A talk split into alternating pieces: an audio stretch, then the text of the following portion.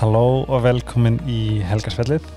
Í dag er frekar stór dagur í mín lífi eh, en þetta er þátturinn sem ég er búin að taka upp mjög lengi og aldrei haft kjarkin í það.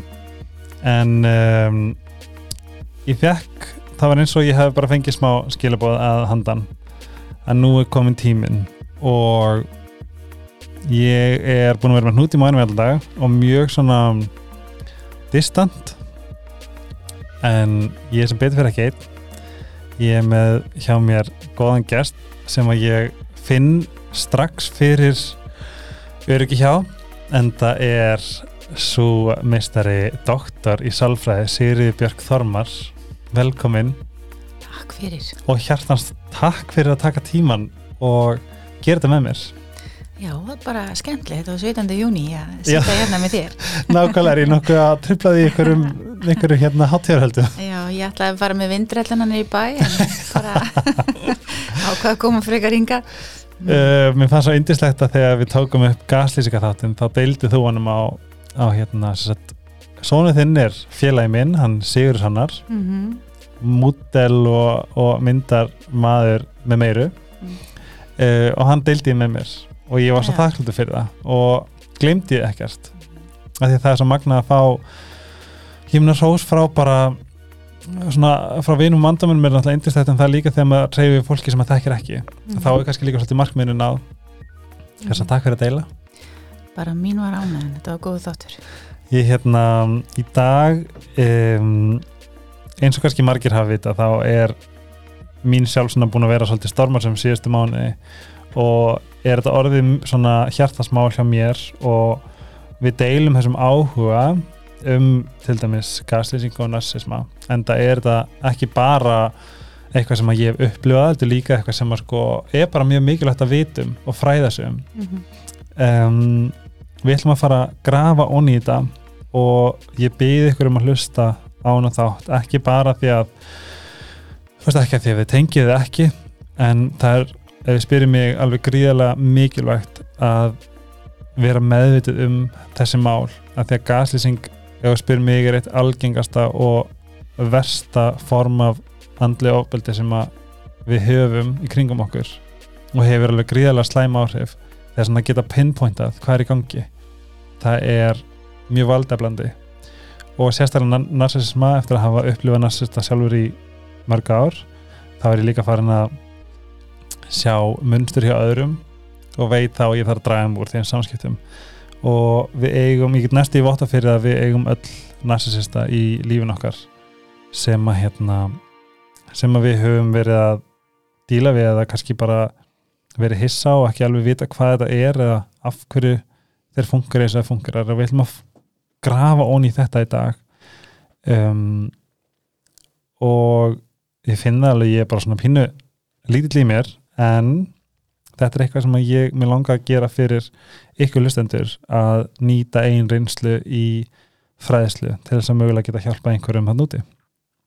Áðurum fyrir mig það þá verði ég að fara yfir indislegu vinni mína sem að hjálpa mér að halda þessi podcast í gangi þetta er svona ekki skipa um, Ice Herbs eru náttúrulega vítamin uh, frá íslensku úr íslensku náttúru. Og ég er orðinlega vitleis í hérna C-vitaminnið og engi fyrir eftir að þeir sagt, munnangri mitt gjörsalega hvarf á nóttu eftir að ég poppaði nokkrum pillum og það var það var algjör dílbreykar og ég mæli með að followa þið á Instagram Ice Herbs uh, Natural Supplement, supplement. Af því að það eru alls konar um, afslættir. Þar koma þér inn. Núna til dæmis afslættir á húðvörum sem er kollagen og astaxatin sorry, ég menn aldrei geta húðháraneglur og já, þau, þetta er bara um að gera að steyða við íslensk fyrirtæki og íslenska náttúru hvað þetta varar uh, Sítokær er að sjálfsögum með okkur og ég mæli með ferðasettinu. Það er á bull góðu verði og inn í því er að uh, face cream í fræga body scrub, hand cream og body lotioni þetta er allt verið sem ég nota síðan í júni fyrra í ár og ég gæti ekki mælt meira með því. Að sjálfsögur líka tekkið á anti-aging seremonu sem er revolutionalt og er að hala inn um, verðlaun. Með afslagkonum helgarspjalla getið fengið afslátt á síðan eða sítokер.is c-h-e-t-o-ker.is Dominos, besti vinnu minn það, ég, ég ætla að mæla aftur með tríónu þó ég gerði það síðast. Fiesta, Italiana og Nice and Cheesy. Og munið það að þið getið fengið þessa tríópitsur stórar á miklu minna verði og þið getið alveg bætt og tekið af. Ef þið fýlir ekki annars, það fá okkur bara Fiesta með ananas, nei án ananas. Og þá situr eftir pepperoni, rjómástur og svo eppir til dæmis. Þetta er virkilega gott. Ég mæli líka með þeim á Instagram því að þar koma eða þar fáið afslætti uh, beintjæð Brynjís uh, get ekki mælt meira með þeim. Ég er næstu orðin húgt. Og veganísin er bæði kókos og vanila og svo rjómaísin klassiski og Brynjísin uh, enn og aftur sjátt á stelpuna sem að taka alltaf mót mér, þær eru yndislegar og þið finnir Brynjís á aðalstræti þrjú á Akri og Engjalla 8 í Kópavogi. Losti.is að sjálfsögðu guðdómlegu guðdómlegu hérna konar á bakvið, það er líka vinni minn hér á helgarspjallinu og ég mæla sjálfsögðu með heimakynningu ef það er einhvers konar parti eða gæsun eða hvað sem það er. Þið getur bóka heimakynningu á losti.is mjög fræðandi efni á Instagram nýra á losti.is og svo finnir það í borgatúnunu um, í með þess að versluna sína. Ég hér bara þakka enn og aftur endalust fyrir stuðningin þykir svo væntum mann og takk. Sigriði Björk kvöldu Sirri Þormar Þormar er eftir ættanatn ekki satt? Jú, það þetta Já, það er þú skild Sigrunni Þormar? Sigrúnu, það, það hlýtur að vera. Þetta er allt svolítið sprotti bara frá afa mínum og bræðurum hans. Já, ok. Þannig að Hún langaði minn tók að bókhaldari betta minn. nafn. Já, og alveg sko, alveg sko indisleg bara með meiri sko, hún er algjör, hún bara tók með sér eins og bara svona einhver peningamamma sko. Já, þetta hér, er allt og gott fólk. Við erum búin að sitja þetta og tala saman um örglega í klukktíma áður en við byrjum mm og með alls konar og, og ég verði að segja að orkaðin er rosalega svona motherly. Mér líði vel, ég var svo mikið hnút í maðurum í dag og ég er einhvern veginn svona í ró. Og Takk þið, þið hérna þið sem eru með mentunni í sálfræði eru kannski bara með þess eiginleika. En eitt sem ég langar svolítið að spyrja við, við erum, í helgarsfélagi kynnumst við alltaf við mældum mm. og þú nefndi við með að þú væri hjúkunarfræðingur Já, hvernig, hvernig bara svona þú segir mér alls frá hjúkunarfræðingur yfir í doktor í sálfræði, takk og bless. Já, hvernig gerist það? já, Já, það svona hérna hvernig það ferli Já, ég get farið að styrla yfir það. Það hérna, ég er náttúrulega útskrifað sem hjókunarfræðingur en í kringum 94 og vann í nokkur ára á, á bráðmatökunum við það. Já, og þar kannski kynntist ég meira svona þessu, þessari andlu hlið maður er mikið að vinna með fólki sem hefur lendi í erfum atbyrðum og, og kannski miklum áföllum. Mm og, og leittist kannski út frá því bara dálítið meira inn á það svið og fór síðan í hérna, byrja í sálfræði háskólanum hérna á Íslandi. Mhm. og beint í kjölfara á því þá fóru við fjölskyldan til Hollands. Já, og þar held ég áfram í, í sálfræðinámi sem var nóg til þess að, að hérna, ég fekk yngöngu í mastisnámi í, í svona heils og klíniskri sálfræði sem það kallast. mm Ég fór svona kannski svolítið ó, óhefbunna leið að þessu -hmm. og hérna, að stjæmast þetta ég var í lætin mm. en í svona það sem að leiti kannski frá því var síðan bara ég fór í doktorsnám í eitthvað sem að kallast psychotraumatology sem áfalla sálfræði. Vá, og vann þá á geðdildinni á háskóla sjúkurásni Amstedam að því í átta ár. Varst það í átt ár? Já, Vá, og var með? Ditti með að hluta til að ég var svona svolítið að fara fram og tilbaka síðust ári hvenar, hann fættur? 93 Ok, já. þeim varum yngri og hérna já, já, og þetta var svona þetta var doldið erfið leið, ég, þurfti, ég fór leið þar sem ég þurfti að byrta mikið og hérna, ég til dæmis þurfti að byrta fimm vísindagreinar í svona ákveði virtum tímaritum Einmitt, sem er mjög óvennilegt og, og tekur tíma og, og tekur á. Einmitt. Svo þegar ég kom inn heim þá fór ég í, í svona sérfræði námi í hugræðna atveldsmeðferð sem er tekjar nám hérna upp í HÍ Já, þannig að sálfræðin allt tógar alltaf í mig. Ég, hérna, einhvern veginn, þetta er svona endalög skóli. Mm og Fyrst er enda að vera að læra. Já, ég er ennþá, ég er, núna er ég doldið að svona að soga í mig eitthvað sem að kallast emotion focused meðferð mm -hmm. sem að er svona svolítið að sumuleiti hinn liðin á hugræðna atverðsmeðferð þar sem að við erum ekki kannski mikið að velta fyrir okkur hugsununum sem er á bakvið tilfinningarnar. Mm -hmm. Meira svona kannski hvað tilfinningar á bakvið tilfinninguna að við svona Mhm. gerum þetta í svona setjum þetta einfalt upp. Eins og það til dæmis verðum reið að hvaða tilfinningar þó þar að baki. Þá er það kannski svo sásöki eða, eða óttið eða annars líkt Ég lærði það nýlega að hjúkurnafræði, maður heldur svolítið að það sé bara að spreita og hérna vita hvað parataps gerir og eitthvað svona. Mhm. en það var einhverju samingi manni hverju var að rosalega stór partur af náminni er með þetta að geta lesið inn í um, lesið inn í til dæmis bara upplifanir fólks og, og þetta er mjög þetta, þetta, að námi sé mjög einmitt svona psychotherapik líka. Já, kannski ekki beint svona psychotherapik en, en, en uh, það er psychotherapeutic það er svona, Já, það er psychotherapeutik já, svona um rugglast ég af þér en hérna já, það um, en það er eins og svona mjög kannski fræðilegt, Mhm. varðandi svona ímislegt Mhm.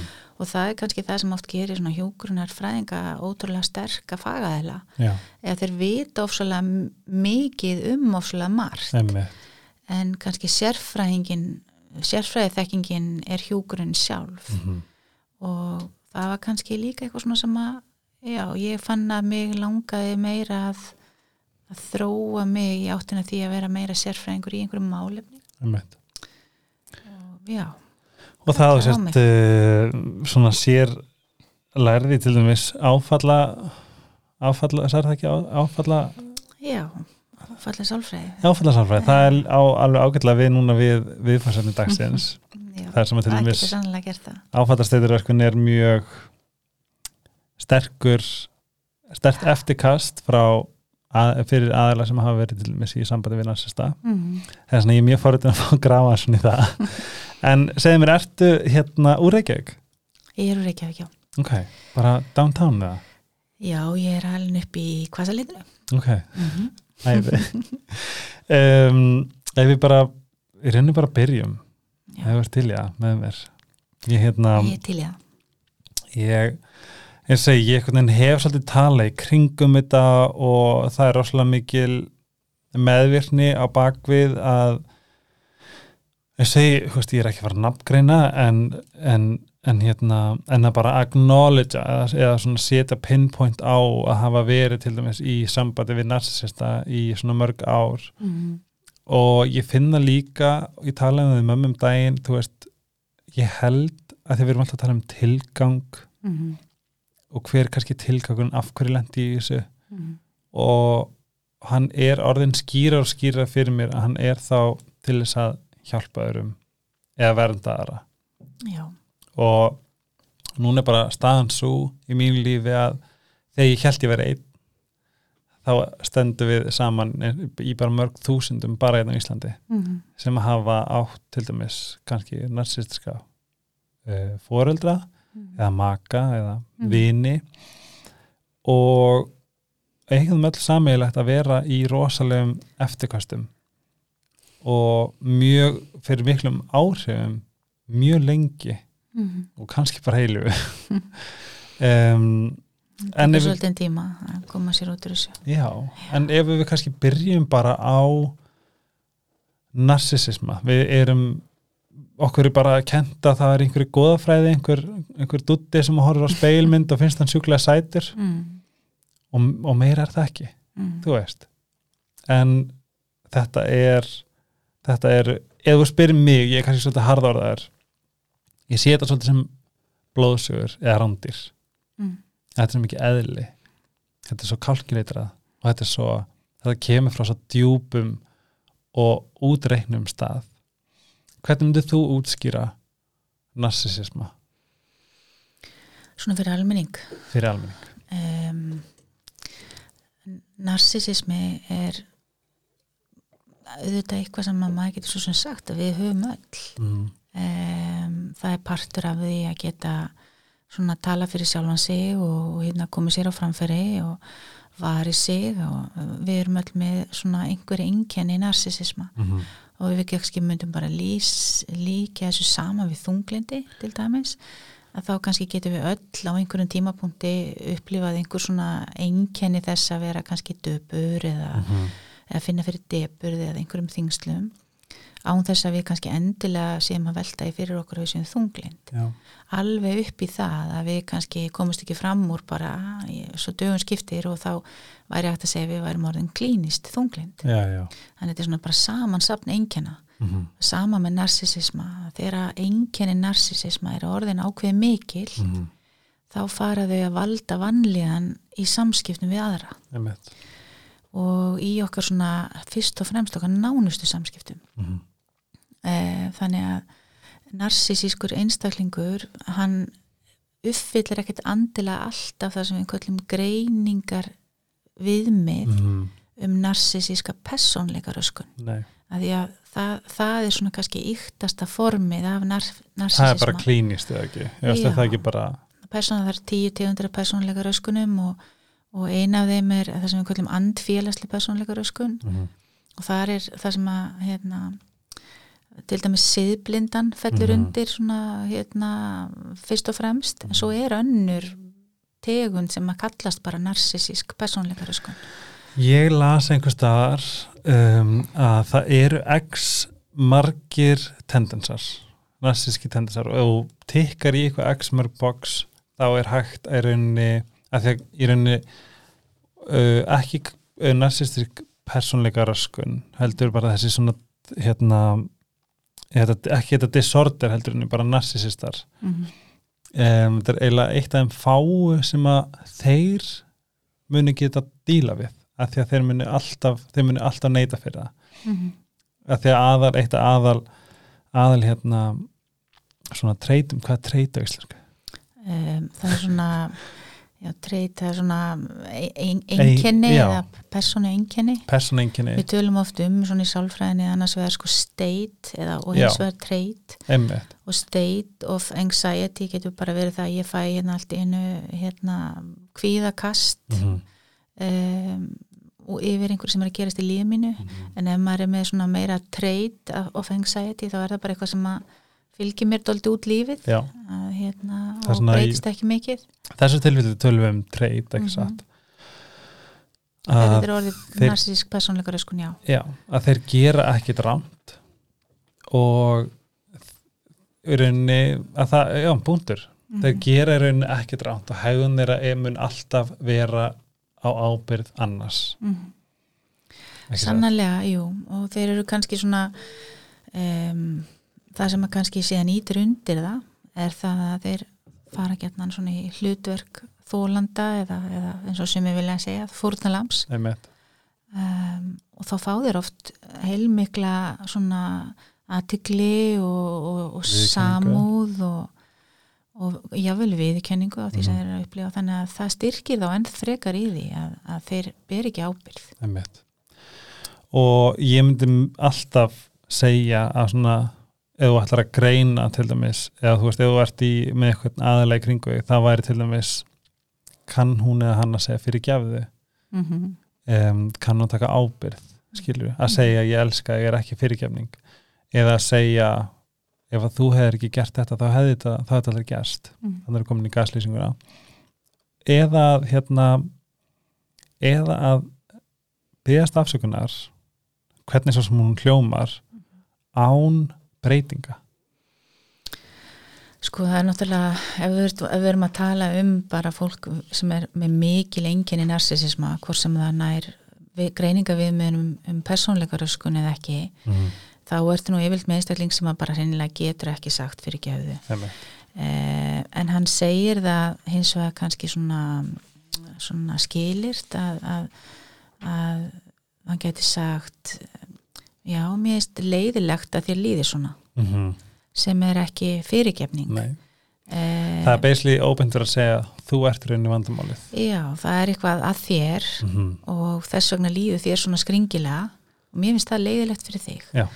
Eh, svo geta er hins vegar svona í undatekninga tilfellum ef að þeir svona halda það að þeir hagnist eitthvað á þessu einmitt nú tölum við bara um narsisisman í kallkinni Mhm. af því að það er svona bara til þess að einfalda þetta Mhm. en þannig er ekki upp bæði auðvitað að vera að tala um konur og kallmenn Mhm. en, en hérna ef að ég til dæmis vil fá eitthvað frá þér að þá sé ég kannski hagi því að byggja þig fyrirkefningar en það er ekki vegna þess að mér finnst það leitt sem ég hafi gert Mhm. Eða finnst það sárt að ég hafi sært einhvern sem að mér ekki væntum heldur er það bara vegna þess að ég veit það að, að hérna, með því að segja fyrirgefu þá, þá fæ ég eitthvað. Einmitt. Þá stjórnum svolítið narratífunu já, það var ein setning sem heitir hegðun, ég fann þetta á Instagrami sem er heitir bara andlut ábyldi, mjög fræðandi og virkilega, virkilega ánægð með starfsemi þessa hérna, Instagram. En það er hegðun sem er endurtekin er hegðunarmynstur en ekki mistök, fólk sem endurtekur nei, nei, er ekki mistök. Fólk endurtekur sjaldan mistök, þú veist. Já. Stundum sko getur maður nú sagt að maður gerir sumu mistökin aftur og aftur bara til að vera alveg viss. En, hérna, en þetta ég held að sérstaklega kannski átt, við gaslýsingu Mhm. uh, sem er náttúrulega þessi, þessi stjórnunar tækni sem Mhm. að til dæmis einstaklingar með mikinn narsisisma í sér nota gjarnan. Mm. en það er líka fullt af fólki sem að beitir gaslýsingu sem stjórnunatæki án þess að það sé með narsisíska persónleikaröskun þannig að maður að passa sig að ruggla því ekki saman. En erum við samt ekki saman líka að gaslýsing er eitt aðal tól narsisistans til Jú. þess að fá sínu framgeng? Jú, sannlega, en það er líka tól annara Mm. og það er kannski það sem getur stundu verið rugglandi fyrir fólk að, að hérna, einhver segir, þú ert nú örgla þetta er bara gaslýsinging þessi aðil er örgla narsisisti, svo fyrir við komum til að lesa sér til um narsisism og það passar ekkit við Mm. þannig að maður þarf að passa sig að sko rugglaði ekki saman að, að, það get, að, að þú þarft ekki að vera með narsisisk einkennin í botni til þess að gaslýsa Mm. og gaslýsing er, er líka eitthvað sem að þú getur reynilega lært Mhm. segjum sem svo að þú eigir fóreldri sem að hafi notað gaslýsingu mikið uppeldiðinu og hvað þá ef þú átt nú narsisist fóreldri að þá getur þú lært bara að ef ég segi hlutin á þennan hátt Mhm. eða geri þetta svona að þá hlýðir fólk Já, eða, já, eða, eða lætur eftir mér eða, lætur eftir mér nákvæmlega já, og hérna eða svona næra, næra forast ábyrð já, þannig að stundum þegar einstaklega gerir sér grinn fyrir því að þeir séu að beita þessu mm. að þá bregður þeim Já. og vilja breyta þessu Mm. og ef þetta er bara meira eitthvað lært þá er það alveg hægt að hætta þessari hegðun Já, en ef við erum að tala um persónleika röskun sem að eins og hjá narsisískum aðla þá er bara mjög erfitt að breyta þessu með við mínar um, með við mínar upplýsingar og ég á tvær tvo svona gúrua sem ég er búin að læra rosalega mikið af sem er Dr. Ramani mm -hmm. hvað heitir hún? Durvasúla. Ramani Durvasúla og svo önnur sem heitir Manji Trupræ um, þær, þær hafa verið bara svona mínar bara svona algjörlega búin að bjarga lífinu varandi upplýsingar og upplýsa sig um narsisisma mm -hmm. og þær eru báðar á því að að narsisismi er eitthvað sem þú getur ekki lagað og þú getur ekki farið tilbaka. Og þú mátt endilega koma inn ef að, ef að ef þetta er ekki rétt um mér, því nú fer ég bara út frá upplýsingum sem að ég fæ það Já. en það er unni narsisistar þróast út frá uppeldi. Mm. um, sérstaklega væri mjög mikið lof eða það er of mikið af hérna svona expectations sem er um, íslensku Væntingar. væntingar. Mm. Um, ef þau eru sett að hán stall Mm. eða bara fá ekki ástofumhyggju Já, akkurat Það er hérna sem er mjög sorglegt Já, þannig að maður getur stundum sko hugsað þannig að, að maður getur fundið til með sumum aðilum sem að þjást af þessu ef að þeir að koma úr svona uh, umhverfi, uppeldislega umhverfi að þeim kannski tengsl voru mm. ekki í lægi Mm. Það var lítið um hlýleika eða, eða ástofum mikið og þá getur við svo sem sagt sem, sagt sem svo að, að barnið það þá fer að svolítið að upphefja sjálfan sig Mm -hmm. að því skilabóðin eru kannski svolítið djúbstæð að það sé eitthvað að mér ef að mamma getur ekki sínt með hlýju eða, eða, einhvers konar ummykju að þá verði ég einhvern veginn að reyna að búa til svona, svona upp, upphafna sjálfsmynd Mhm. Og svo er það auðvitað þannig að minna rannsóknir hafa sínt það að, að e, narsisismi hefur aukist mjög mikið síðustu áratíð er það?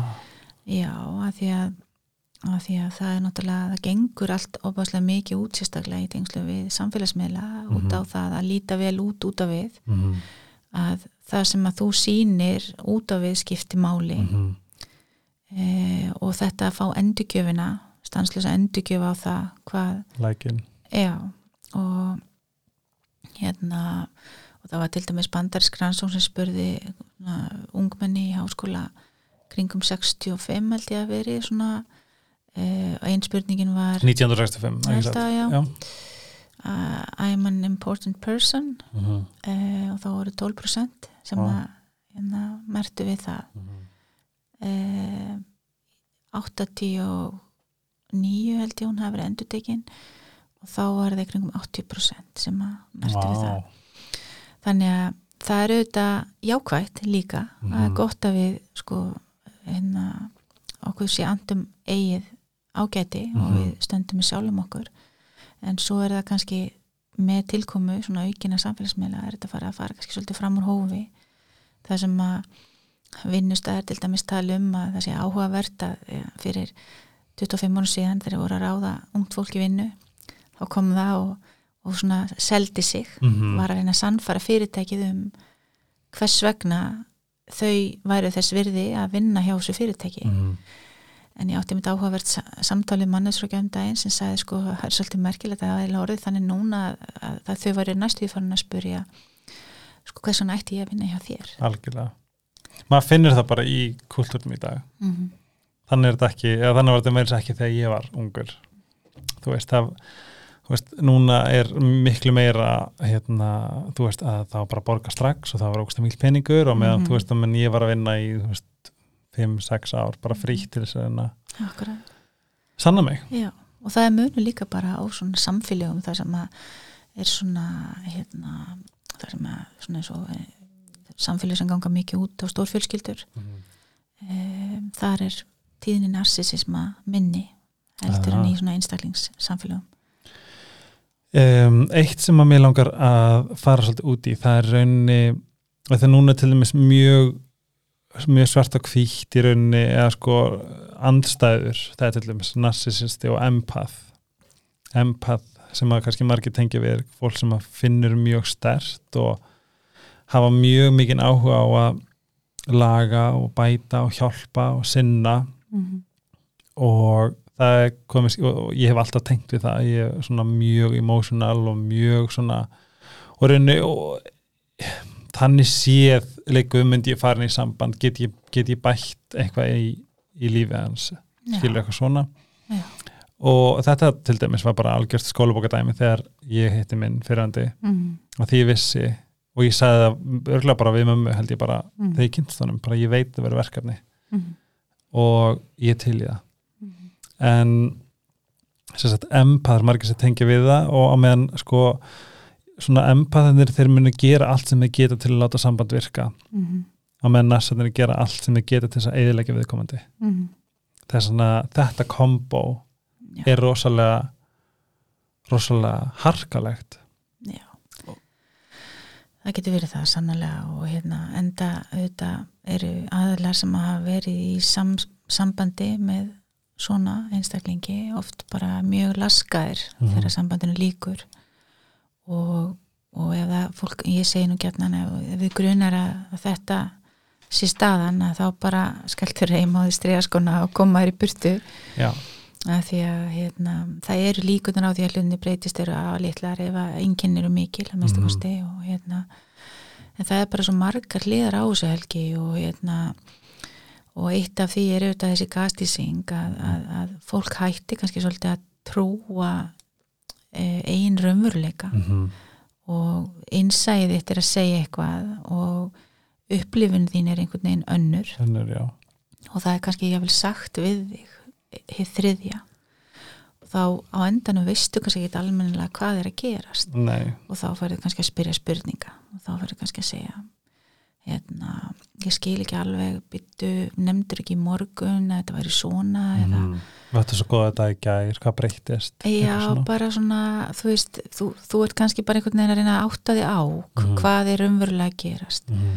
en þá er kannski sagt við þig þú veist að þú ert hérna, þú ert að stjórna mér eða Mhm. akkur þetta spyrja um þetta? Mhm. það, fólk spyr ekki um svona hluti. Mhm. það er óeðlilegt að spyrja svona.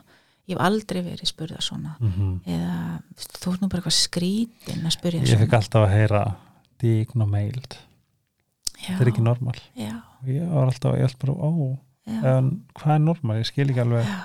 af hverju, af hverju að mér líður svona, af hverju er það ekki normal, er það þú veist, basically þá er þá snýst þetta bara um að efa að þú læt, að, að þú veist, tól til þess að efi sjálfa þig. Já, það sem að kannski er svo erfitt við það er að hérna, þú ert síðan í rauninni bara svolítið kaffærð með tilraunir þínar til þess að reyna að komast að hennu rétta. Að með því að spyrja spurninga Mhm. þá er þér í rauninni sagt að það sé eitthvað að þér. Algjörlega. Og þannig að þú hættir að spyrja spurninga það verður Nákvæmlega. líka til þess að fólk kannski er farið að gera hluti eins og að eins og að reyna að komast að sannleikanum eftir öðrum leiðum eins og að skoða síma magasins eða, eða annað slíkt sem að eru þetta hegðun sem að á aldrei eiga sér stað mm en um, í ákveðnum tilfellum eins og þarna þegar fólki líður eins og það sé bara ekki að upplifa einn raunveruleika -hmm. Á réttan hátt eða einhvern veginn sé ekki að meta aðstæður Mm að rétt að þá er eðlilegt að grípa til þess að reyna að komast að sannleikan en hvað ertu þá búin að gera? Þá ertu búin að gera eitthvað sem að almennt telst mjög óæskil Já, hefð og kannski líka bara er gegn þínum gildum. Algjörlega gegn þínum og það er gildum rosalega erfitt að, að fara þangað. og, og líður illa með sjálfa því og finnst þú einhvern veginn bara vera meir og meir einhvern veginn að missa tökin á því hver þú ert. Ég las sem er fannst mjög áhugaverð sérstaklega þegar maður, þú veist, að því að eina leiðin til þess að skilja er að fræða sig. Mm -hmm. og mér fannst svo aðteglisvert það var hún, hérna, Manji. Hún talaði um að hei, þegar, þegar um er að ræða narcissistic abuse og gaslýsingu það, þú veist, það er verið það, það er verið að fokka í heilanum á okkur sem því að heiliðin fer að svíkja þig að því leiti að þegar þetta er í gangi að því að þú ert að fá þetta svona heita og kalda, svona þú fær tímabundna ást og svo farið ofbeldi til þess að jögla við Mhm. þá pumpar heilin sem sagt á sama tíma ástarhormóninu mm. og kynhormóninu hérna oxytocin mm. Og kortisol sem Mm. er stress á sama tíma Mm. og hún lýsir í þannig að þegar þessi tvö, Mm. þessi, þessi tveir hormónar skella saman Mm. þá verður hverfylbylur Mm. innan með þér Mm. og hverfylbylur er náttúrulega bara eitthvað sem þú getur ekki róa, þú Mm. getur ekki séðan hann er alltaf í stannslusi reyfingu Mm. þetta gera það verkum að heilina þau svíkur þig hann rugglast, hann veit ekki hvað er rétt eða ránt og þetta, þetta ef, við spáum, ef við spáum bara í þessari tækni þetta er svo fullkomið fyrir narsistan að vita það að þú veist ekki Mm. alveg hvort þú ert að fara að stíga hæra en vinstrifót Já, og það, held ég, það er líka svolítið þetta sem að fólk tala gjarnan um að, að hvernig getur manneskja sem að elskar mér svona mikið eða segist elskar mér svona svona mikið. verið svona vond við mig á sama tíma. Og það er svona eitthvað sem að er svo ofbústlega einhvern veginn sárt að horfast í hugvið og svona veldur bara mikil ringulreið innræð með fólki Já. hvers vegna gerist þetta mm -hmm. og ég segi gjarnan svona, svona mínir skjólstæðingar ég fæði nú dölvörsta fólki með þetta hérna, vandamál til mín að sko að hlustaðu á innsæðitt og, og treystu því sem þú ert að upplifa Já. Og horfðu á staðreindir frekar en frásagnir. Að horfðu á það sem fólk er að gera frekar heldur en það sem fólk er að segja. Mm -hmm. um, að því það er alltaf uh, mun margtækara Mm -hmm. um, hitti síðan að, að einhvern veginn um, það sem að enginn er þessi sambönd er það að það er svolítið þetta lovebombing eins og að segja. Að það er alveg beita þig, bara hýfa þig held yfir þig hérna, alls konar ástarjátningum og ástarjátningum hrósum og, og, bara hvað þú sért frábær og æðisleg og, og hérna, mikilsverði og auðvitað finnst öllum gott að heyra það. Mhm, og þannig að fólk auðvitað kannski skiljanlega fellur á margan hátt mhm, fyrir einstaklingi sem að tala svona til þín. Mhm.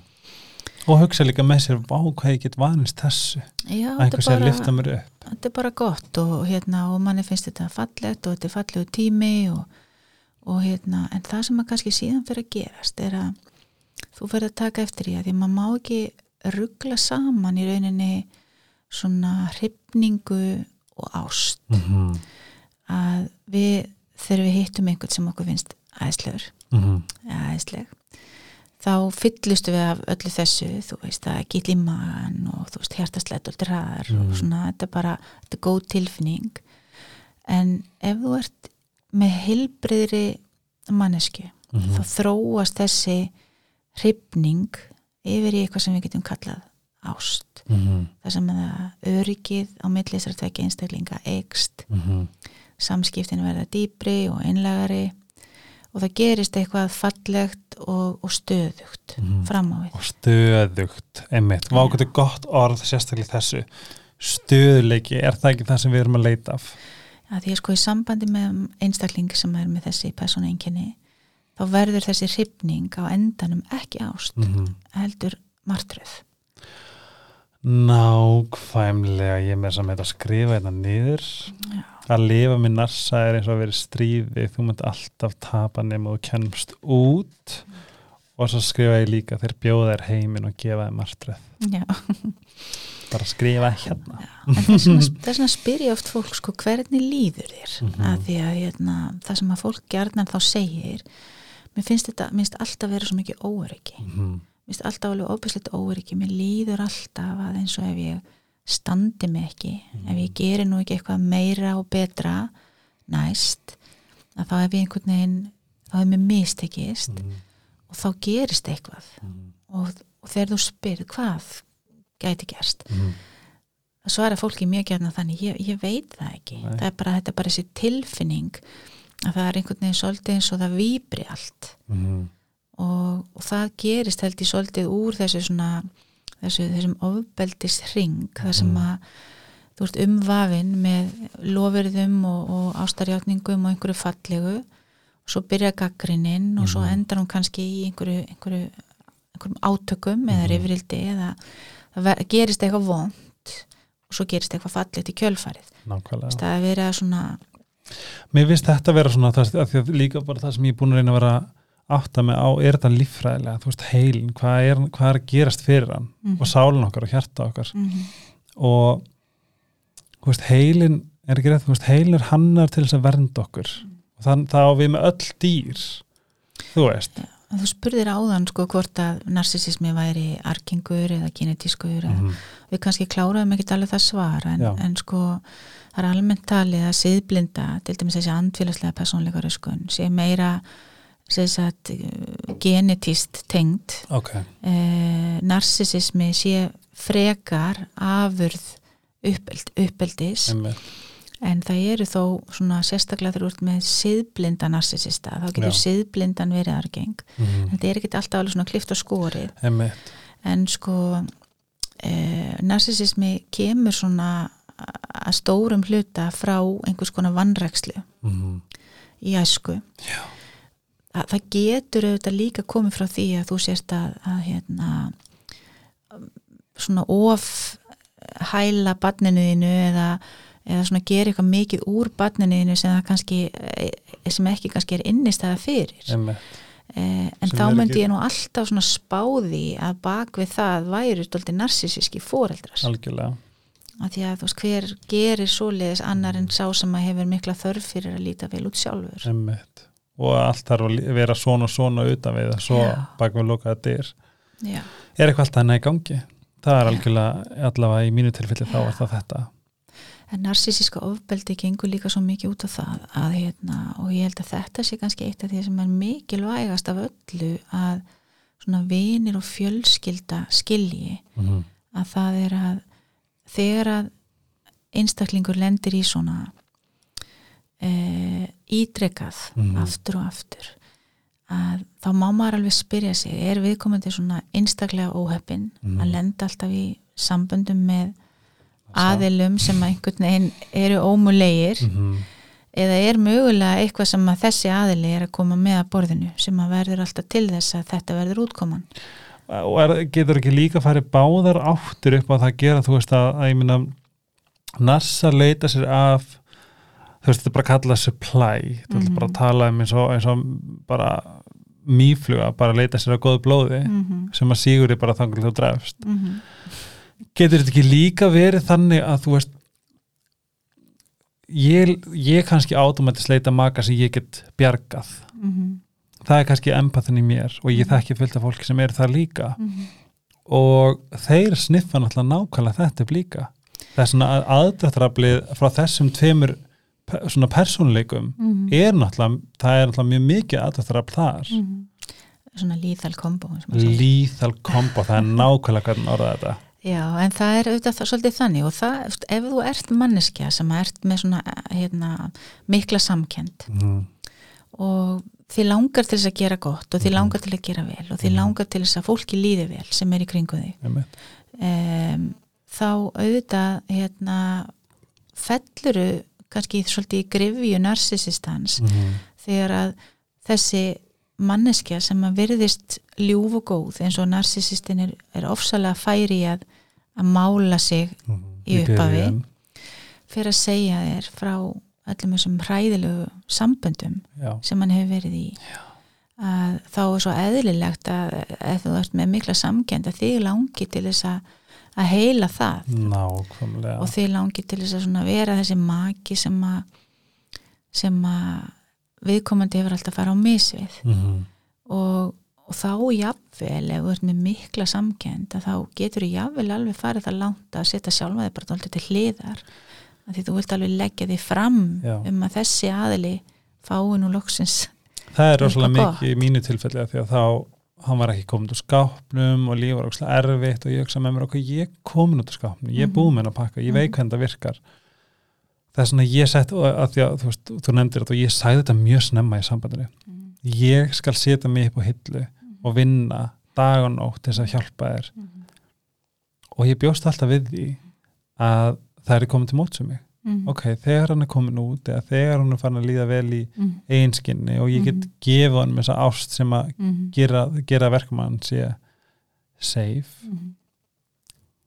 þá skal ég, þú veist, þá, þá, þarf, þá þarf að hitta mig á miður leið til þess að hjálpa mér aðeins eftir að Mhm. hafa unni svona rosalega hart þú veist, Mm. og þetta kom aldrei og það var sérstaklega 2015 þegar bara eit- eitthvað sem ég bara aldrei glemt þá deyr vinkona mín og þá vissi ég, ok, nú er þetta komið Mm. nú stendi ég ekki lappið þar og nú þarf hann að nú, nú kemur þetta Mm. þreim ára setna Mm. og þá fekk ég heyra að ég kemist ekkit frá því að sinna húsverkum þó vinkonum í sitt á hann ég get ekki nota dauðan hennar til þess að Mm. komast hjá því þessi klassískur þetta var þetta var stærsta rauðaflag og ég, ég hef aldrei náða fyrirgefa þetta mm. ég hef aldrei náða og ég er eitthvað sem ég svona hjælt grudge Mm. ég átti það til að nefna þetta Mm. bara mynd, glemdi aldrei hvað sagði við mig að heyra hann hafi sagt þetta en þetta er alveg klassískur þetta er alveg klassíst dæmi og Mhm. hérna bara gott að þú komst með það að, að þarna ert alltaf í aðstæðum þar sem að viðkomandi greinlega hefur enga samkend og er bara argur yfir því að, að, að þú sér þarna sín einhver viðbrögð mm og það trubli daginn hans á Mhm. einhvern hátt. Eh, og ég en- enda einn í herbyggi sem ég legði heyr ekkert í hennum kottur nú bara heim, kom og svo Já. og svo fór ég bara heim í jarðafer Ég held að sko það er alltaf óg gott helgi að þegar maður heldur kannski að maður í svona aðstæðum að byrja að æfa sig í því að snúa dæminu við mm. að hugsa myndi ég einhvern tímann gera þetta Já. og það er kannski svona heilbriðasti áttavitin Mm. að maður, manni hætti til eins og hérna það er svona til eitthvað sem á ennsku kallast cognitive dissonance eða, eða hugrænt misræmi mm og það er stundur sagt að til þess að geta verið í sambandi með narsisista þá þarftu að, að vera tólti færi því að beita sjálfan þig þessu hugræna misræmi sem er til dæmis það að, að hérna að annarkvort bara algjörlega horfa framhjá þessari hegðun Mhm. bara afneita því hún sé að gerast Mhm. eða, eða að einhvern veginn reyna að, normalisera hana Mhm. Þetta er bara hann, hann er bara svona Mhm. og hann er samt góður en hann er stundum veist. góður ja, hann er stundum góður og þú veist, þetta er náttúrulega bara, hann er bara, þú veist, það er engin fullkomin þú veist, Mhm. hann svolítið á meðan að svona viðurnabjöllunar alveg ringja og alltaf hærra og hærra þar sem að, þar sem að það eru þetta eitthvað rými, þar sem að fólk er einhvern veginn en síðan er eitthvað sem fer umfram það Mhm. þar sem að hegðun er orðin sjúkleg Mhm. og þess vegna þarf maður að, að passa sig að normalisera ekki sjúklega hegðun. Já, og þá er oft ágætt að spyrja sig myndi ég einhvern tímann gera þetta? Mhm. að því að sérstaklega þegar við eigum eftir að færa það eftir að því að, að vera meðvitar um gildi sín. Mm -hmm. nákvæmlega þetta er svo gott dæmi að segja er þetta það sem ég er tilbúin að gera? Mm að, að sitja með í fleiri ár? Þú veist, er þetta gegn minu gildum? Svo sannarlega, af hverju? Því ég vil vera með maka sem liftir mér upp punktur, eða sem að stiðum í því sem ég er að gera, allt þetta. Þú viltu þetta líka fá bara viðurkenningu á tilfinningalífið þitt. Mhm. og það sem að maður heyrir gjarnan og frá svona er að ég man alltaf eftir í fyrsta sinn sem ég grét.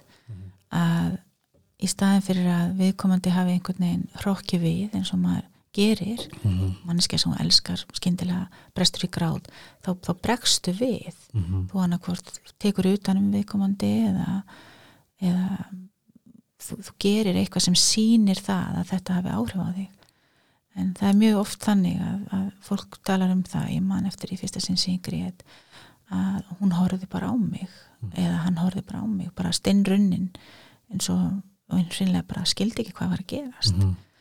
um, og þetta eru mjög óeðli viðbröð og bara samt, og svo, en svo fyndi bara að spá í útskýringunum sem að þekkir er að they lack empathy, mm -hmm.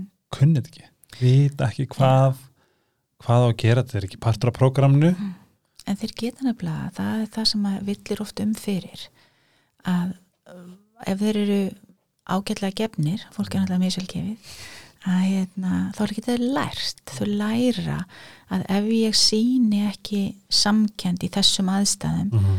að þá lendi ég í vandræðum já, já, þá já, verður fólk reitt út í mig eða Mhm. mm skiluru þannig að margir mjög narsískir einstaklingar geta samt lært að sína samkend mm bara vinkonaðin deyr og þá veit ég það að ég á að fara og taka utanum Helga. -hmm. Ég veit að ég á að segja við hann Helgi minn, hérna, þú þarft ekkert að sinna húsverkunum núna, þú veist. Ég, ég veit það, Mhm. en það sem að þau get ekki gert er að, er að, er að falsa kærleikan, eins og Mhm. lagi segir, að hérna... já, ó, með Jón Jónssoni og Keti Renn eh, að hérna, þú falsar ekki kærleikan.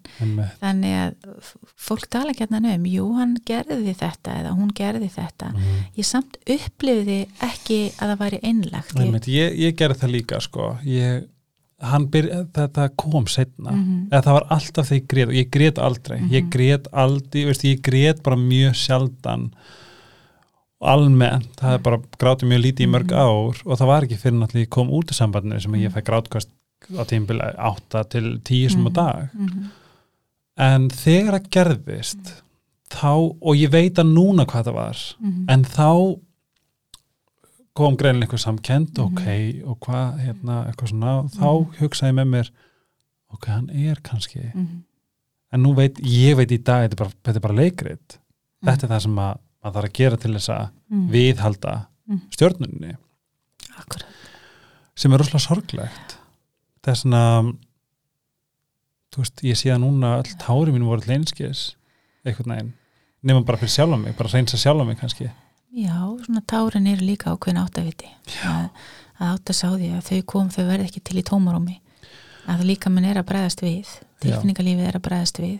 Og þó svo að hausinn getur Mhm. verið góður í því að segja að þetta er nú allt ég menna þú veist, maður getur nú ekki alltaf bara vænst þess að fólk sé fullkomið og mm. þó að hausinn sé góður í því kannski að trubla Mhm. upplifunina þína þá er það samt oft líka minn sem er að segja er satt algjörlega og fólk, þegar fólk er að tala um ég bara, mér varst ég alltaf, ég var alltaf einhvern veginn með hnút í maðunum og mig, mm.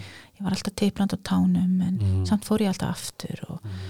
þá er bara varnar kerfið þitt það er að segja þér alls konar algjörlega og það sem skiptir máli er að hlusta Já. Og svona ég get sagt í dæmi um hérna svona það sem þú talar um svona köld viðmót að hérna ég þekki til það sem að e, aðilar voru með hund á heimilinu mm. og einhvern veginn var búið að stilla í þannig upp af þessum aðila sem umræðir að, að hérna að hundurinn sagt skiptist í rauninni svona viku og viku á ábyrð aðila Mm. þetta er þín vika með hundin þá átt þú að fara út með hundin þessa viku og, Mm. og hvað svo gefa honum að borða þessa viku eða hvað það er. Síðan kemur að því að, að, að barn annars aðalans er að fara í stóra og bara alvarlega aðgerð og það er svona lág fyrir að, að það er vikan færi í það að vera á spítalanum og sinna því. Og þá svona kvöldi áður en að, að hana barni fyrir aðgerðina þá er sagt um mataborðið hver á að fara út með hundin þessa viku? Mm.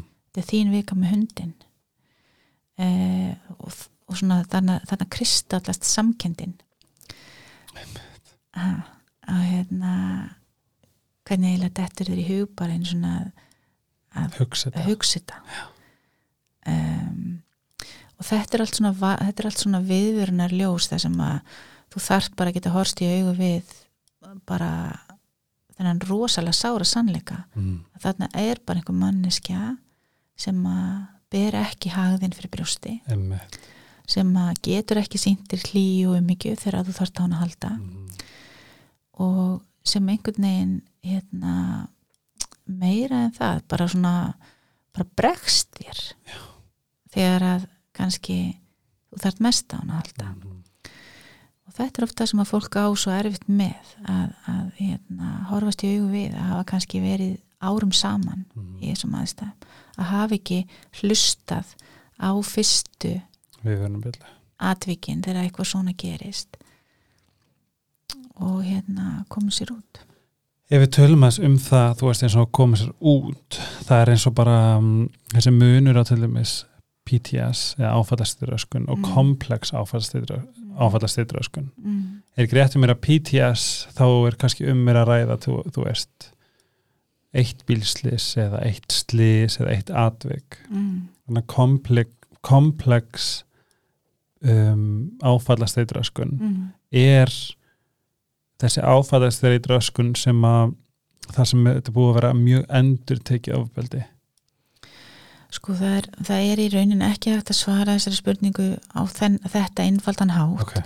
að því það, það eru ymsi þættir sem Já. að spila inn í mm -hmm. en það getur auðvitað sannlega verið þannig að þú getur fengið áfallstreitur öskun út frá einu ákveðna atviki og ef þú ert náttúrulega kemur á stríðsræðu svæði eða eitthvað þá eru líkurnar á þú sért með flókna áfallstreitu Ég heiti það fló, flókin af já, já. meira um, en sko það, það fer samt oft me, meira eftir eðli aðtöksins Mhm. ef það er einhver sem að þú trúur og tristir Mhm.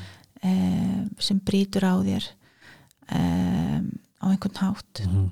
um, þá getur fólk þróa með sér mjög flókna áfallstreitu Mhm. þó svo að, að atviki hafi verið svona í tíma eitt og einstakt Um, er ekki eins og ef við tölum um þessa flóknu að því að það sem ég las sem tengdi ég rosalega mikið við þetta bara, og, þú veist, og, og, og veist, í öllu þessu ferli þá hef ég náttúrulega veist, það sem hefur líka verið alltaf erfitt er að ég er alltaf að læra aftur og aftur og aftur um eitthvað atvik sem ég held að vera eðlilegt en veit og sé núna mm -hmm. að var náttúrulega bara full, full on ofbeldi. Mm að þú veist, þetta er svolítið eins og laukur. Þú veist, þú ert, þú ert alltaf að fara nýtt og nýtt og nýtt og nýtt svona leigir, Já. hvað heitir leigir? Svona, svona lög af svona lög af bara endalösi dóti. Já, og að því ég er kannski ekkert rosalega mikið, þú veist, mér finnst rosalega það er ekkert rosalega mikið í mínu eðli að kenna einhverjum um að þetta er bara kvíði minni eða þetta er bara svona svona svona. Mm -hmm. en mér er svolítið sárt að hvað ég tengdi við þetta. Að því leiti þú veist að hvað þetta getur verið rosalega hvað það getur verið harkalega eftirkast Mhm.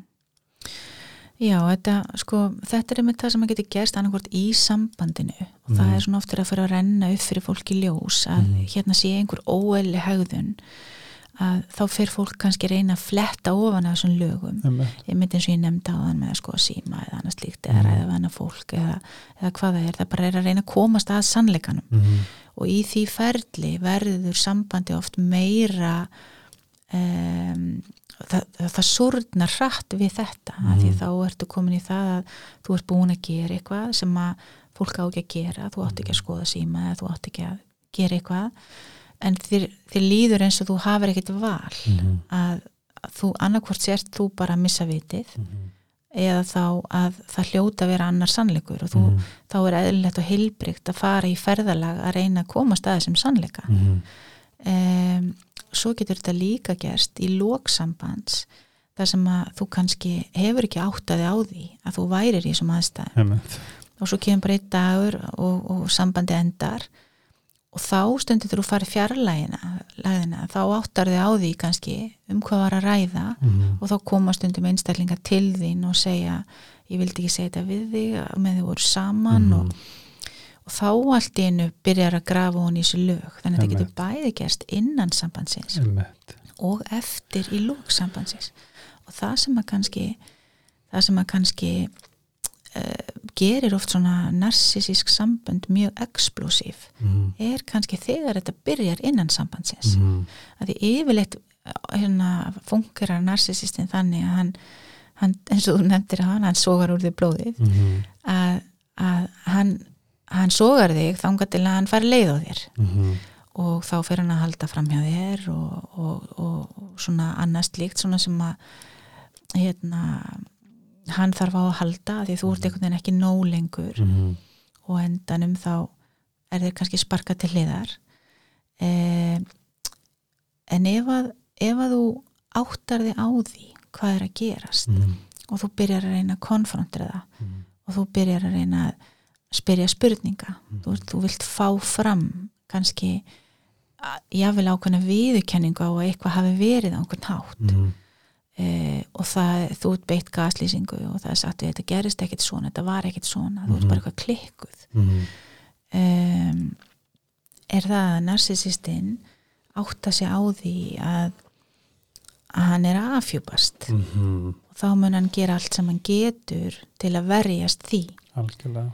Og mun þá mjög líklega byrja að vinna þá undibúningsvinnu sem þarf Nákvæmlega. sem er til dæmis að að fara að segja við fólk uh, hvernig þú sért nú að þú sért nú alltaf að gaggrina sig eða þú sért nú alltaf einhvern veginn að bera sig raungum sögum eða Klikkuð og klikkaður og eitthvað. já og eitthvað svona og hérna og jáfnvel sko hefur jáfnvel frá upphafi verið í einhverju svona sem við kallum splitting að passa það að svona líkil fólk í lífi tala ekki saman Mhm.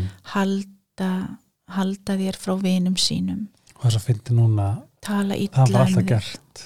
Ég, ég var að læra Já. frá þér núna. Mhm, Þegar tölum saman á hann. Ég, það var alltaf þetta splitt. Mhm, Ég, það er eitthvað sem ég aldrei spáði í. mhm, En ég hafði aldrei, ég ætla að segja, ekki að segja aðgengi, ég var aldrei velkomin. mhm. Og fekk alltaf að vita ég væri ekki velkomin. Akkurat. Að því að sko honum hefur kannski, það hefur verið honum í mun að þú fengir ekki ákveðnar upplýsingar um Mhm. sig eða oft er það þannig að narsisistanum grunar að hann mun og enda, endanum missa tökin Mhm. og þá vil hann passa sig á því að, að vinirnir séu, séu sín megin Mhm. og, Grínsleit. Já, og þá hafa þær jáfnvel sko, þið ganga jáfnvel stundu það langt að, að segja hluti við fólk Mhm. sem að þú átt að hafa sagt veistu hvað hann sagði um þig hann sagði nú um þig að þú var í svona eða hins einn Mhm. þannig að vinirnir jáfnvel halda að þú bara sért einhvern veginn sem þú ert ekki Þetta kallast bara smear campaign. já, já, þetta er bara mjög þekkt Mhm. þetta er mjög þekkt hérna, En það er líka svo bara mikilvægt að vita hvað þeir eru kalkul, kalkuleraðir. já, en fólk átt að segja á þessu. Nei, þeir, og það, það, ég nefnilega trú, og enn og aftur, trúir, trúir það besta í öllum.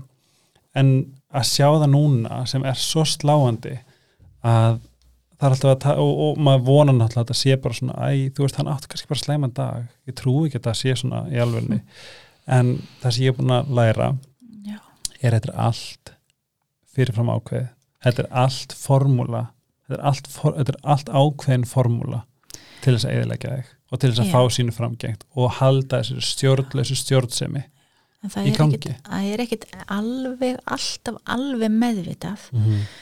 en svona að stórum hluta er það Mhm. að þú veist, markmiðið er alltaf að hafa stjórnina Einmitt. Og það sem að mér langaði nefnt að nefna því hún nefndi nú í upp að hennan, hennan podcast sem að ég hafði dilt sem að hún Ester Ingvars hérna uh, talaði í, Mhm. sálfræðingur þá nefndi hún kom inn á atriði sem að mér fannst skipta máli og það er með þetta að, að partur af áfallinu sem að fólk verður fyrir sem að lendir í samskiptum við svona aðila er það að þeim er ekki trúað og það hefur með það að gera að, að viðkomandi er bara búin að undirbúa jarðveginn svo vel Einmitt. og hann er kannski búin að eða mánuðum í það að svona kvarta undan einhverju og svona að því að hún, hann er, hún er búin að átta sig á því að hann er að missa tökin Einmitt. og, og hérna og þetta er svona það sem að ég vil kannski bara vinum hefur verið sagt að þau megi ekki koma í heimsókn eða, eða og hinum með henni kannski sagt að ég vil frekar hitta bara við komandi á kaffihúsi að því að ég nenni ekki að hann sé að sita þarna í 5-6 tíma. Einmitt. það er bara miklu betra að fara og hittast á kaffihúsi svo get ég bara komið heim til þín að því mér langur svo að vera hjá þín því að þú ert svo einstök og Já, sérstakur þú svo og- einstök og, og þú skilur ekkert af hverju fólk kemur ekki. Mhm. Þannig Og- var þetta bara þetta var bara, bara bannsvæði heimja mér. Akkurat og ef það var eitthvað það þyrfti að vera tímarami mm -hmm. allt þurfti að vera perfekt það mátti ekki vera kuskagólfinu mm. á meðan hérna á Íslandi við erum bara þekkt að vera bara walk-in og bankadyrnar og ógslag gaman og, eitthvað svona, ef að það gerðist einhver tíman eins og bara íslensku vini mín, íslensku vinkunum mín sem bara Mhm. þunni böngu Mm -hmm. veist, ég fikk að kenna því Mm veist, ég er bara ábyrðin af því -hmm. þess að þetta er bara og það er rosalega góðu punktur að hérna hvað þetta er allt þetta, er allt bara formúla Mhm. og að vera meðvitaður um þetta allt saman er einmitt svo mikill líkill en það er svo merkilegt bara mist ég sjá það aftur og aftur því núna náttúrulega blandast ég inn í mikið af svona málum mm. í vinnunni bara og hérna að það er svo merkilegt hvað fólk er einhvern veginn lítið gaggrínt að lítið gaggrinnið á aðila sem endur tekið lendir í svona. Mm. um, og þá, þá, þá finnst mér það kannski bera því svo þú veist það er bara það, það, það, er, svo, það er svo dæmi gert fyrir hvað þessir aðilar eru oft ljúfir og, já, og Mm, skemmtilegir Bara- og, Sjarm, mest sjarmirandi og bara einn narsisti til dæmi sem var svona minn, mitt fyrsta introduction til narsista Mhm. þegar, ég- þegar ég læri hvað það var Mhm. og ég vissi ekki að fyrirhandi minn væri næst á Mhm. þeim tíma en þann dag í dag get ég bara hugsað að þetta er mest sjarmirandi, indislegsti maður sem ég hef nokkuð tíman hitt sem að Mhm. eiðilega lífi einhverjum minnars mm, og ég, get, ég, ég veit að þegar ég hitt hann ég mun, Já. ég mun fara í klessu en það sem ég segi ekki við fólk er að þú þarft ekki að velta því fyrir þér að því oft saknar fólk hins aðilans Mhm. að saknar alls þess að góða og skemmtilega og minnist þessara fyrstu tíma þar sem allt var svo æðislegt. Að þá segi ég að þú þarft ekki að velta því fyrir þér hvort að þú viljir vera með þessari mannesku sem að var svona skemmtileg og, og ljúf og, og saði þess að alla þessa fallegu hluti. Þú átt bara að hugsa um hvort þú vilja vera með manneskunni sem að geri þetta og þetta og þetta og draga þá fram þetta neikvæða Beitt er ábældi já vegna þess að hún mun alltaf koma með mm -hmm.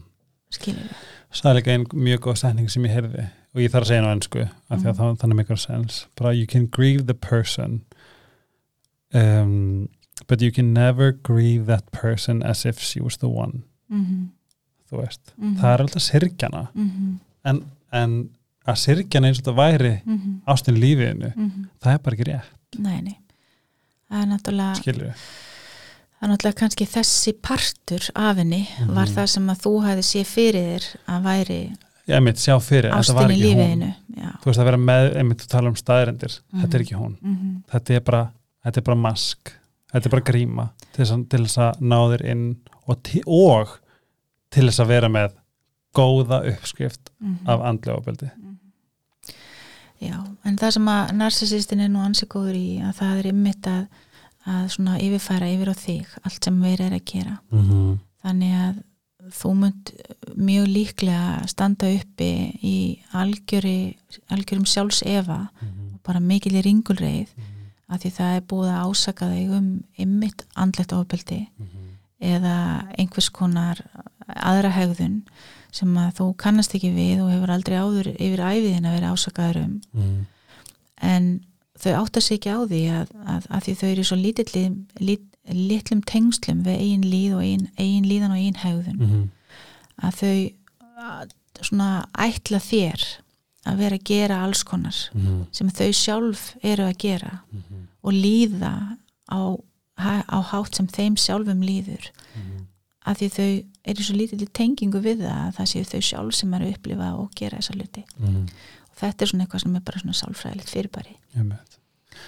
Ef við förum aðeins út í til dæmis fyrir aðila sem að hafa grunum mm -hmm. að þau séu til dæmis í narsisísku sambandi eða í sambandi með narsista Mm -hmm. að því að þú veist bara, ef við tökum mitt í dæmi veist, ég vissi þetta ekki. Ég vissi þetta rauðflögin, ég vissi að vera eitthvað að ég vissi að vera bara að hverfa ég vissi að allt væri eins og bara, þú veist Mhm. en hvað getur við sagt hver, hver, hver er ummerkin um að þú ættir virkilega að fara að endur skoða hvort að aðilinn sem til dæmis vort með í sambandi að foreldri sé narsisti hvað myndir þú segja? sko ég held að, að hérna það ég kannski dreg bara svolítið saman að sem ég var að segja áðan er að ég held að sé ofsalega mikilvægt að hlusta á innsæði sitt. Bara það er svona það mikilvægast af öllu og bara treysta innsæði sínu. Ef þið líður eins og það sé eitthvað einkennlegt að gerast þá er sennilega eitthvað einkennlegt að gerast. Og fara þá og leita þér ágjafar fara til dæmis til sálfræðing sem að sem að kannski sér hefði sig í þessu. Af því það, það er nú meira sér þannig að, að, að einstaklingar sem eru með narsísk personleika einkenni e, kannski einhverja siðblindu um, góður í að gaslýsa og allt þetta þeir geta líka farið og hitt sálfræðinga og verið sjálfur í einhvers konar ráðgjöf. Og sálfræðingurinn áttar sig ekki eins og ná þessu. Af því að þú, þú kemur þarna og þú sýnir einhvern ákveðin front svo talar um makaðinn á einhvern ákveðin hátt. Og þú auðvitað þegar þú ert að taka múti svona aðilum og stofu það er ekkit auðvelt fyrir þig að átta sig á því hver er gerandin og hver er þólandi og þess vegna finnst mér til dæmis alltaf svolítið erfið þessu umræða ég stið þólendur að því að auðvitað viljum við öll stiðja þólendur en hver er gerandin og hver er þólandin getur verið ofsalega erfitt að átta sig á þegar þú ert að fást við svona einstaklinga. Því þau munu alltaf ásaka þig. Þau munu alltaf vera fórnalampið wow. Þau munu alltaf hérna, lýsa því að þú hafi verið að gera hluti sem að einhvern veginn hafi broti á þeim. Og það fylgir aldrei sögunni kannski hvað varð til þess Emme. að þú sagðir ákveðna hluti eða gerðir ákveðna hluti. Og ég geti kannski tekið dæmi bara um og þetta er svona kannski, þú veist, eins og persónleika raskanir, þeir eru alltaf með svona element í sér sem við köllum svona ego-syntonic hegðun. Og sem að sko felur það í sér að, að hérna að þau, þau upplifa alltaf þau séu í rauninni eðli og allir aðrir séu eitthvað klikkaðir Já, og þetta er bara element sem er stöðu breyta mm -hmm. sem getur verið erfitt að fást við. Og já þannig að þau sko í rauninni taka aldrei ábyrð á því sem að kannski þau hafa gert eða, eða sagt. En finnst þetta alltaf vera aðrir sem að hafa verið að brjóta á þeim. Mm. Og það er ekkit auðvelt að sjá gegnum þetta. Og eins og ég nefndi á þann að meira segja meðferðaðalar geta átt erfitt með átt að sjá því mm -hmm. hver er í rauninni. Það telur sig verið að tala við þólanda en það er kannski að tala við geranda. Og, og svona kannski dæmi getur verið það að, að aðilinn sjálfur jável er búin að missa einhvern veginn um, tilfinninguna fyrir því sjálfur. Einmitt, hvort og getur farið að efast um það er ég gerandi eða þólandi og, og það, getur, það getur gerst í gegnum svona dýnamika eins og segjum sem svo að þú hefur aldrei aldrei áður á æfiðinni um, beint eh, beitt uh, því að, að til dæmis að öskra á makaðin segjum sem Mhm. svo. En eins og þú kannski þekkir ef þú ert búin að vera í samskipnu við svona aðeins að, að þú ert kannski allt í hennu komið bara á einhvern stað þar sem að þú ert bara farin að öskra. Já, ég var þar, ég bara, það var alltaf ég, og, og það var svo ólíkt mér. Og Já. ég sagði það við mömmu um daginn ég hef ekki lendir yfirliti síðan ég kom heim. Nei, að þetta er ekki ég, Já. það var alltaf það var, ég bara, þráður var svo stuttur og hann veisi svo nákvæmlega hvað hann þurfti að gera mm til þess að ég myndi garga. Og þá hafði hann tækifæri til að segja Já. þú veit geðvikur já, akkurat. Hver gerir svona, hver öskrar svona en hann er kannski sjálfur búin að öskra sko mörgum dag sinnum sko, já, eða eitthvað, já. áður en að þú loksins bregst við. Mhm. en þetta er það besta sem þú getur gert fyrir narsisistan að því að hann vill fá viðbröðin algjörlega, þannig að hann mun íta og íta og íta algjörlega. Þanga til að þú bara missir tökinn Mhm. En þá er hann búin að fá stjórnina þá Mhm. ert þú búin að gera eitthvað sem er skammarvert Mhm. og þar með getur hann eitna, ásaka þig og sagt sjáðu bara hvernig þú ert Einmitt. og ef að hann fer þá í kjölfarið á svona atviki til dæmis til sálfræðingsins og segir hann helgi náttúrulega alveg sko bara hann, hann bara öskrar á mig og, Mhm. og þú veist þetta er náttúrulega ekki hægt að búa við þetta og ég veit ekki hvað ég á að gera og Já. fer í fórnalamsluturk narsisistans Mhm. um, hvað á sálfræðingunum að gera veist, það, ekki, það getur verið erfitt að átta sig á þessum hluturkum hver er gerand og hver er þólandi Mér finnst þetta að vera stórkuslega punktur sérstaklega frá þér sem að hefur bara mikla reynslu frá skjólstæðingum og, og öðru að þú skulle segja hlusta á innsæð að því að þetta, þú, bara þú sem, Mhm. sem þú ert doktor í sálfræði, Mhm. hefur þennan mm. hefur þetta hlutverk, Mm. hefur þetta þetta innsýn inn í Mhm. þennan part Mm. Og að því að bara eins og bara ef við förum út í hvað eins og bara þú veist eftirkvæst hvað þarf það að gera þegar þú ert komin út úr út úr hérna um, sambandinu og allt þetta þú veist þá bara Mhm. þú veist fyrsta sem allir tala um er bara self-care, sjálfsvinna, sjálfstekking þó að sé ógæslega erfitt að sinna því þegar, þegar alltaf er verið að láta það efast að bara hlusta á innsæði Mhm. og að þekki innsæði sitt. Það, er, það er það sterkasta sem þú hefur. Vá, og, hérna, og það er líka þetta sko, ég held líka með alveg tala til meðferðaðalega maður þarf að vera maður þarf að vanda sig hvernig maður áleikur fólki í Mhm. svona aðstæðum mm og ég get sagt í frá dæmi einu eða sem að aðili sko var hún alveg gjörsamlega vannmáttugur í Mhm. aðstæðum af því að það var alveg sama hvað við komum til sagði -hmm. það listi aldrei neitt sem er Mhm. náttúrulega eins og þú þekki kannski svona Ég bara, var ég við það, hérna, það er sem við köllum þetta sko það verður svona ring rifrildi, það bara kemur alltaf eitthvað nýtt þetta bara Mhm. heldur alltaf áfram og Mhm. þú veist það er alveg sama hversu mikið þú vilt reyna að taka á þig fyrirgefðu ég hafi sagt þetta eða gert þetta eða þú veist, getur við reynd að laga þetta getur við, það, það, það, það, þú, þú ferð alltaf í bara einhvern veginn það, já, og það er bara alltaf meiri ásökun og meiri ásökun Mhm. og meiri ásökun og alveg saman hversu oft þú segir fyrirgefðu það skiptir einhver máli Einmitt. þannig á endanum á til dæmis var þessi aðli bara orðin þannig að hann bara hljóp út Mhm. að því að hann sagði bara það ég veit að það hefur ekkert upp á sig að reyna að segja neitt hérna þetta bara vestnar og vestnar og vestnar og vildi ekki að börnin yrðu vitni að einhverju bara hljóp út úr húsinu og fór einhvert og, og ákvað svo koma kannski bara aftur eftir klukkutíma eitthvað til þess að bara reyna að róa þessa stöðu. Mhm. en í hjónabandsráðgjöf þá segir sálfræðingurinn þetta mátt ekki gera. Þú mátt ekki gera þetta vegna þess að þetta sko skapar svo mikla vanlíðan hjá þessum aðalega sem eftir situr.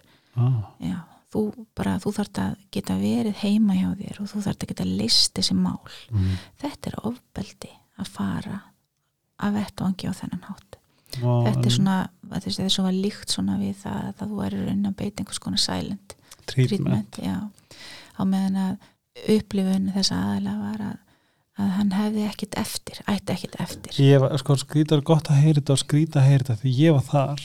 Já, og hann, og það, þetta er eitthvað sem ég held að vera góður einleiki við hann, er að hann að ég átti að til að bara ég get ekki ég get þetta ekki, bara, ég bara veist, ég verði að fá bara að lappa ringa, bara fá ró í hausin og svona. Já. og hann sagði, nei, þú fer ekki þann út nefnum að leysum þetta já. Og ég er, að, ég er að sjá það núna þú veist að kenna mér helling Aha, að það er gott. það er náttúrulega hægt af því að ég færi út og segi, veistu hvað maður fokkin segja um mig?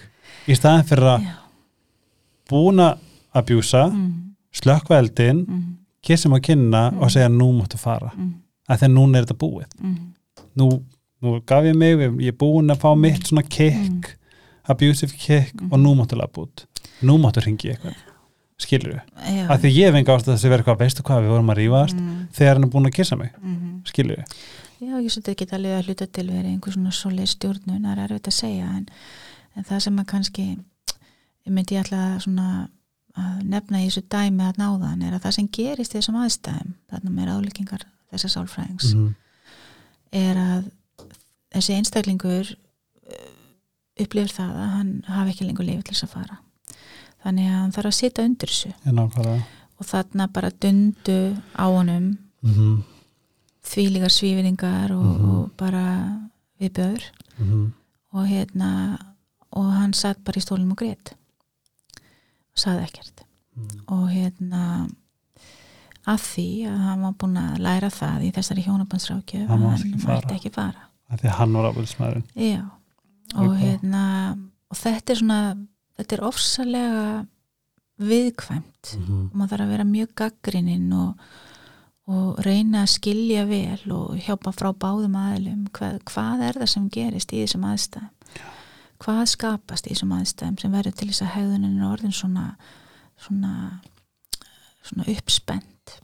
Í mínu tilfelli þá var ég held svona meðaltali verið lesturinn og bað svona tvo tíma á dag. Hvað séru? Ég lestur mér að baði svona cirka tvo tíma á dag. Já, fór ekki út.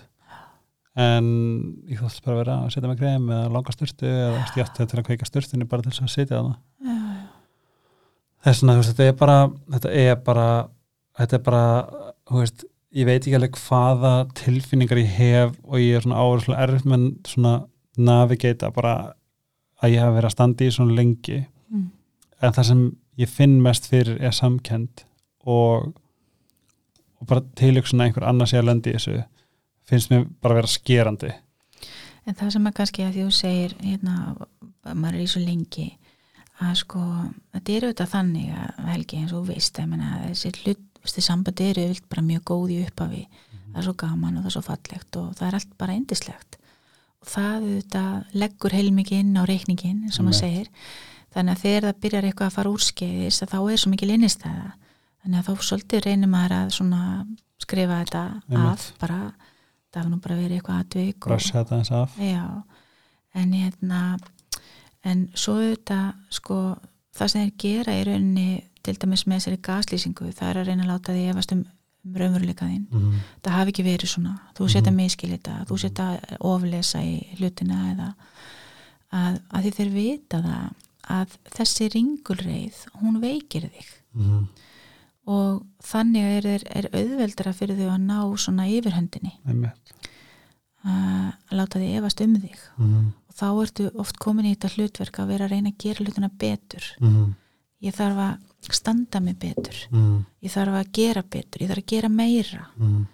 um, og það er svona kannski eitt af því sem að mér finnst vera einkennandi fyrir aðeila sem er í svona samböndum að þeir segja, sko það er alveg sama hvað ég geri, hann er aldrei Al- ánæður og ég er aldrei nóg Nei, og ég er aldrei nóg og, og svona mér líður eins og það einhvern veginn víbri allt svolítið mm. að ef að ég stend mig ekki nógu vel þá, þá gerist eitthvað Mm. það verði haldið fram hjá mér eða, eða mér verði sagt upp eða í staðin fyrir eins og ég nefndi að náðan að þú færi í samband með svona veikum einstakling að þá er þessi sko hrifning í upphafi æðisleg Mhm.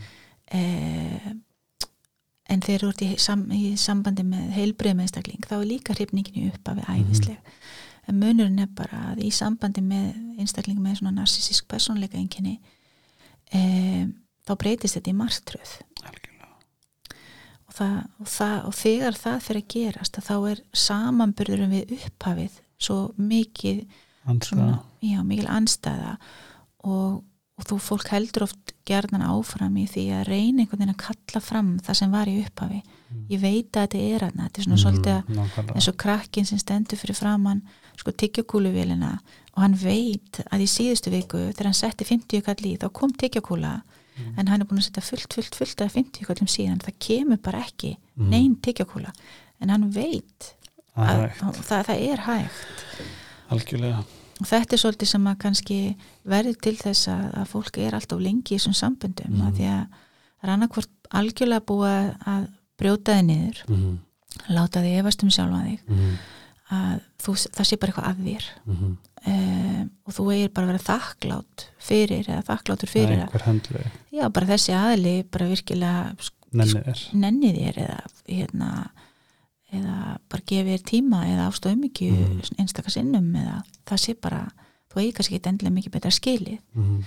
um, þá kannski ertu lengur í svona samböndum heldur en góðu hofi gegnir mm.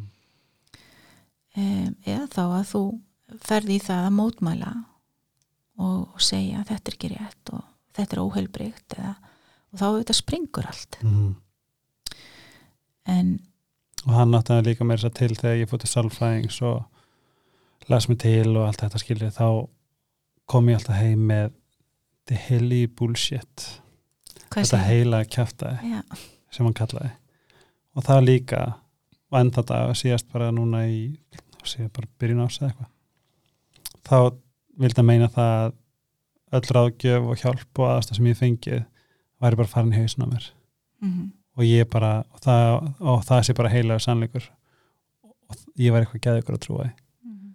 þú veist maður á ekki séns. Mm -hmm. og og ég held bara að við getum bara staðfest að ég ætla að vera til í að staðfesta hér nú að ef þú ert í sambandi með narsista skiptir engum máli hvernig þið texta eða hvaða leið þú ert að fara get the fuck out.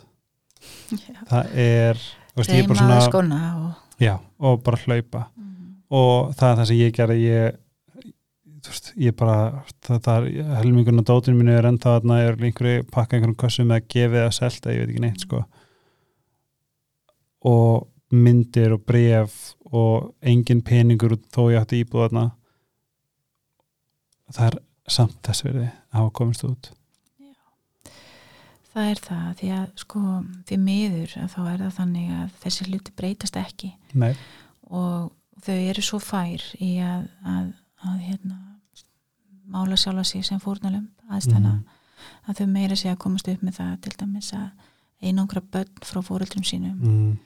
um, og samfara umhverfið um það að, að hérna að viðkomandi sé á einhvern nátt slæmur um, og þarna eru ekki hagsmunni bassins mm -hmm. eitthvað hafa verið að leiða ljósi heldur bara Nei, það, það að fá fullkomna sko. stjórn sko. já. Já. og líka sko það, það, er, það er til hérna, ég, sérstaklega ef er fóreldrar sem mm -hmm. eru eigið narsíska mæður að batsfyrir þá er, getið googla BAFF tekník sem að hún um, tala mjög vel um hún uh, hún heitir sem ekki segja Manji mm -hmm og það er mjög góð ráðvarandi hvernig maður á að halda sér bara mm. maður á að horfa á fóreldra hérna hlutverki með narsist eins og bara business mm. enga tilfningar ekki neitt, mm. ekki taka neina persónulega mm. og ég er sérst með núna maðurum núna sem að við erum að hjálpa stöðla að mm. reyna að koma þetta gegnum þetta mm. þessna þetta er, við, við gætum verið að grafa ónýta held ég í allan dag mm -hmm. og ég vona að við fáum tækifæri til þess að hittast aftur og, og hérna tala um þetta meira mm -hmm. en þangar til þá er ég bara Þetta er held ég málefni sem er mjög mikilvægt að við kannski fórum ekkert svo mikið í gaslýsingu eins og við ætliðum að gera. ég held bara að við þurfum að taka heilan þessi þáttur er bara um narsisisma og við þurfum að fara aftur í gaslýsinguna þar sem við þurfum líka bara að krifja hana því að hún er líka komplex. Já. hún er erfið. Og hún er náttúrulega líka þetta er narsisís, ef við tölum um narsisíska personleika röskun þá er nú aðalega og við kannski talum um að svona cirka bara 1% eina við 1% af fólki sé með það. Mhm. þannig að hún er ekkit endilega það algeng en gaslýsingin sem stjórntæki er miklu miklu algengari. Einmitt. og það væri er bara 1% narsistar já, eitthvað svona cirka samkvæmda, samkvæmda rannsókn ég gíska á svona 10 mér finnst ég var það að spotta á hverju En þá erum við að tala um sko það sem að svona náðu Disorder, sem greiningar já, viðmiðum.